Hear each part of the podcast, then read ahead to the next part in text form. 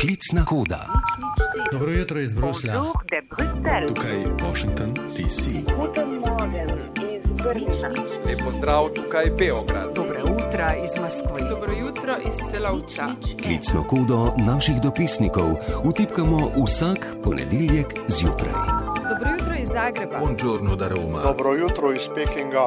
Klicna koda na prvem. 16 minut pred 7. 5. julija, pa ne gremo na nobeno od naštetih in slišanih lokacij v našem napovedniku Avizu, ampak jo mahnemo v Tržaški zaliv, v Trst, Špela Lenardič. Dobro jutro želim. Dobro jutro. Začneva s tistim, kar je pravzaprav že mesece in mesece nekako novica, številka ena, le redko kdaj pade na drugo mesto. Namreč Italija je že teden dni v tako imenovani beli, varni epidemični barvi, maske na prostem niso več obvezne, tudi število okužb v sosednji deželi Furlaniji, Julijski krajini že dlje časa ni zaskrbljujoče. In špela, kakšno vzdušje torej vlada pri naših sosedih? Ja, sodeč po živahnem začetku sezonskih razprodaj, to soboto, ki so v središče Trsta privabile številne nakupovanja, predvsem pa druženja željnih ljudi, kar sproščeno. No. V petek so ob skoraj 5000 testih potrdili 21 okužb s koronavirusom, v soboto 10, na intenzivni negi že dlje časa ni bolnikov s COVID-19 in na srečo je tudi smrti zelo malo.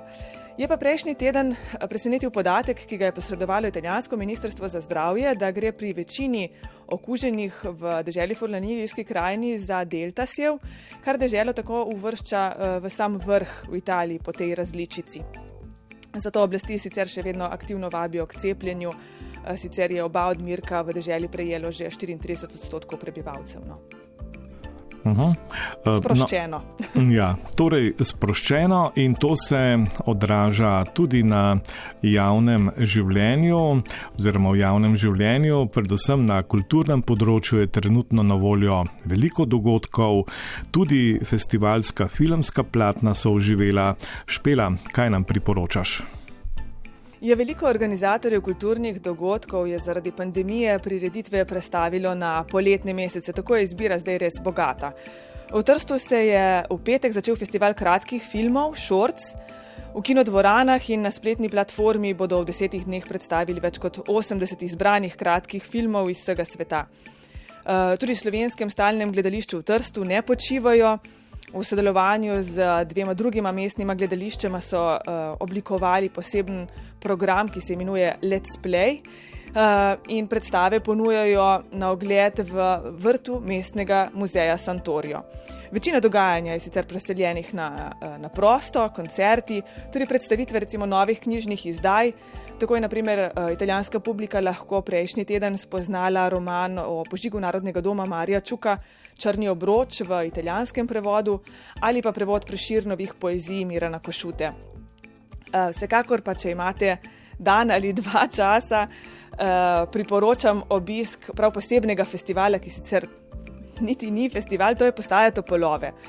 V Benečiji so že pred 30 leti se odločili, da bodo eno izmed zapuščenih vasic, Topolovo, ki je, se nahaja v strmem pobočju Kolovrata, skušali oživeti s pomočjo kulturnih ustvarjalcev. Tako so v zapuščenih hišah zaživeli likovne, zvočne in video instalacije. Umetniki so tekom let tu v tej vasi postavili svoje ambasade, pošto, pinakoteko, sestavili so orkester, ki se letno tukaj srečuje in ustvarja. Postaja Topolove je postala sinonim za svobodno ustvarjanje, za preskok v neko drugo dimenzijo, kjer je tako rekoč vse mogoče. In vsekakor priporočam, da se v teh poletnih eh, tednih eh, odpravite odkrivati Benečijo in se ustavite na postaji Topolove. Ja, praviš, če imamo dan ali dva, je to recimo dovolj časa, da se naužijemo um, kulture v Benečiji. Če temu dodamo pa morda še tretji, četrti, peti dan, so pa to že mini počitnice. Um, Sveda oddiha se vedno veselimo in um, tu me na tej točki me zanima, kakšno turistično sezono pa si obetajo v sosednji deželi. Je že kaj bolj živahno, že prihajajo tuji gostje? Ja, sezona je res tako šele na začetku, bi se reklo. Tujih gostov ni veliko, um, gre predvsem tradicionalno za tiste iz bližnjih uh, evropskih držav, to so Avstrijci, Nemci. Uh, večina gostov je še vedno iz uh, domače Forlanije, Julijske krajine ali pa iz drugih dežel Italije. Uh, na deželjni agenciji za turizem so sicer z začetkom sezone kar zadovoljni, pravijo, da so junija iz tedna v teden opazili vse več obiskovalcev v njihovih informacijskih točkah. Eh, zavedajo pa se, da bo rekordno sezono eh, iz leta 2019, ko so zabeležili več kot 9 milijonov prisotnosti, sedaj po letu pandemije težko ponoviti. Se je pa letošnja sezona vsekakor začela prej kot lani. Uh, pa tudi tukaj imamo zdaj cepiva, zeleno potrdilo in zato računajo, da bo turizem vendarle zacvetel, tako kot je pred leti. Uh, stavijo predvsem na doživetja, tako na morju kot v planinah ponujajo vrsto doživeti, predvsem kulinaričnih, eh, pa kulturna in športna, seveda. Ne. Tu bi mogoče povedala še eno tako zanimivo informacijo za vse ljubitelje kolesarjenja. Prav eh, s tem koncem tedna je zaživel brezplačen avtobusni prevoz za kolesarje med Trstom in Porečem, ki bo na voljo vsak konec tedna do oktobra. Sicer pa so bili recimo v lanski sezoni zelo dobro obiskana gorata območja. V Rezi, naprimer, so bili eh, zelo veseli številnih obiskovalcev iz domače dežele, ki doline in njene edinstvene kulturne dediščine in naravnih lepot niso poznali in verjetno bo letos prav tako večina Italijanov poč počitnikovala doma. Uh, vsaj tako je videti po prvih informacijah, ki jih dajo v turističnih agencijah, ker pravijo, da ljudje pa vprašujejo predvsem po odkrivanju Italije, morda še Grčije in Španije. In seveda tisti. Um, Ljubitelji križarjenja pa ostajajo zvesti tudi uh, plovbi po Jadranu. Iz Trsta vsak uh, teden odplujeta dve Eh, križarki vse do Grčije. Sta pa zaradi pandemije in preventivnih ukrepov zasedeni zgolj polovično. Ja, in če se v turizmu stavi na okolje, na čisto morje, neokrnjene hribe in doživetja, ki jih omenjaš, pa se na drugi strani to isto okolje še vedno postavlja na stranski ter, ko se govori o gospodarstvu, v žavljah, ki smo si jih seveda zapomnili in jih do dobra spoznali ob vprašanju gradnje plinskega terminala, to je tik za državno mejo, zdaj načrtujejo novo jeklarno, kar je predvsej vznemirilo tamkajšnje krajane, pa tudi slovence čez mejo. Kaj ne? Ja, zdi se, da je pred okoljevarstveniki nova bitka. Eh, le dobro leto je minilo, odkar so zadovoljstvom spremljali ugašanje eh, več kot sto let starega plavža v Škedenske železarne, zdaj pa v tem istem zalivu, le slab kilometr stran, načrtujejo oblasti novo jeklarno. Eh, dežela, občina Milje, uprava Tržaškega pristanišča in gospodarska zbornica so s forlanskim podjetjem podpisali dogovor o načrtovanju novega industrijskega obrata. V navezi z nizozemsko multinacionalko naj bi tako v Žavljah postavili sodobno valjarno, ki bi letno pridelala 4 milijone ton jekla in nudila zaposlitev okoli 100, 400 ljudem. Krajani žavelj so seveda zaskrbljeni, eh, prav tako krajani eh, na drugi strani meje, kjer so projekt oziroma načrtovanje nekega projekta predstavili eh, pretekli teden prav okoljevarstveniki. V žavljah si seveda novega industrijskega obrata ne želijo. Ne. Ni še niti 20 let minilo, odkar so jim izpred domov umaknili rezervarje naftnih derivatov, zdaj pa na tem zapuščenem industrijskem zemljišču želijo postaviti jeklarno. Okoljevarstveniki opozarjajo na onesnaževanje tako zraka s škodljivimi izpustnimi plini kot prašnimi delci, na hrupno onesnaževanje. Eh, najbolj pa jih skrbi poglabljanje zaliva, ker surovino naj bi pripeljali po morju, zato je predvidena tudi eh, neka gradnja pomola. Morsko dno v Žavelskem zalivu pa je močno onesnaženo s težkimi kovinami. Na to so opozarjali že v času uh, boja proti gradnji plinskega terminala in dvig teh usedlin bi seveda pomenil onesnaženje ne zgolj Žavelskega zaliva, ampak celotnega Tržaškega zaliva. Tudi čez mejo.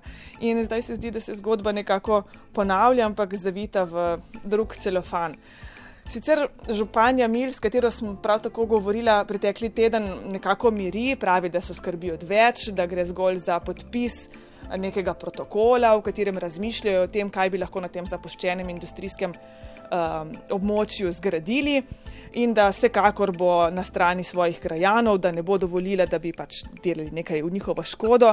pa vendar ti že čakajo na jesenske volitve in najbrž ji ne bodo ponudili še enega mandata. Eh, zgodba se bo zagotovo še vlekla, ker je zemljišče eh, sodi v to prosto carinsko cono tržaškega pristanišča in so zato gospodarski apetiti zelo, zelo veliki. In še ena zgodba bo, kot kaže, daljša, kot si je marsikdo zamišljal pred letom dni. 13. julija lani so Slovenci v Italiji s podpisom protokola o vračanju Narodnega doma naredili zgodovinski korak, a pot do ključa in selitve v Fabijanjevo palačo bo še dolga. Kje smo torej ob letu Sorej? Kaj se je spremenilo v tem letu? Ja, če se osredotočim zgolj na narodni dom, na samo stavbo, bolj malo. Slovenci imajo v njem še vedno zgolj pritlične prostore, v katerih je doma mladinski oddelek Narodne in študijske knjižnice. Da bi nepremičnina pravno prišla v slovenske roke, je treba najprej spremeniti zaščitni zakon za slovence v Italiji, kjer ni predvideno lastništvo, pač pa upravljanje stavbe.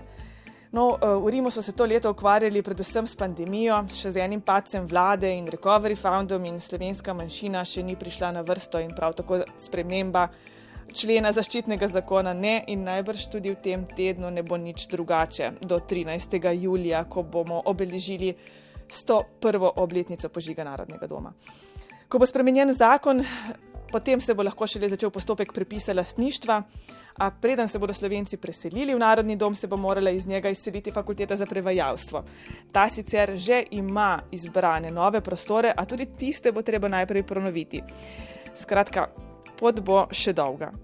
Je pa lanski obisk obeh predsednikov držav, Boruta Pahorja in Serža Matarelle v Trstu in njun stisk rok pred obema spominskima obeležjema v Bazovici, tako na Fojbi kot pri ustreljenih slovenskih junakih, uh, odmeval močno celo leto. Uh, tudi na prireditvi ob 30-letnici samostojne države, ki sta jo pred dobrim tednom dni organizirali krovni organizaciji Slovencev v Italiji skupaj s slovenskim konzulatom v Trstu.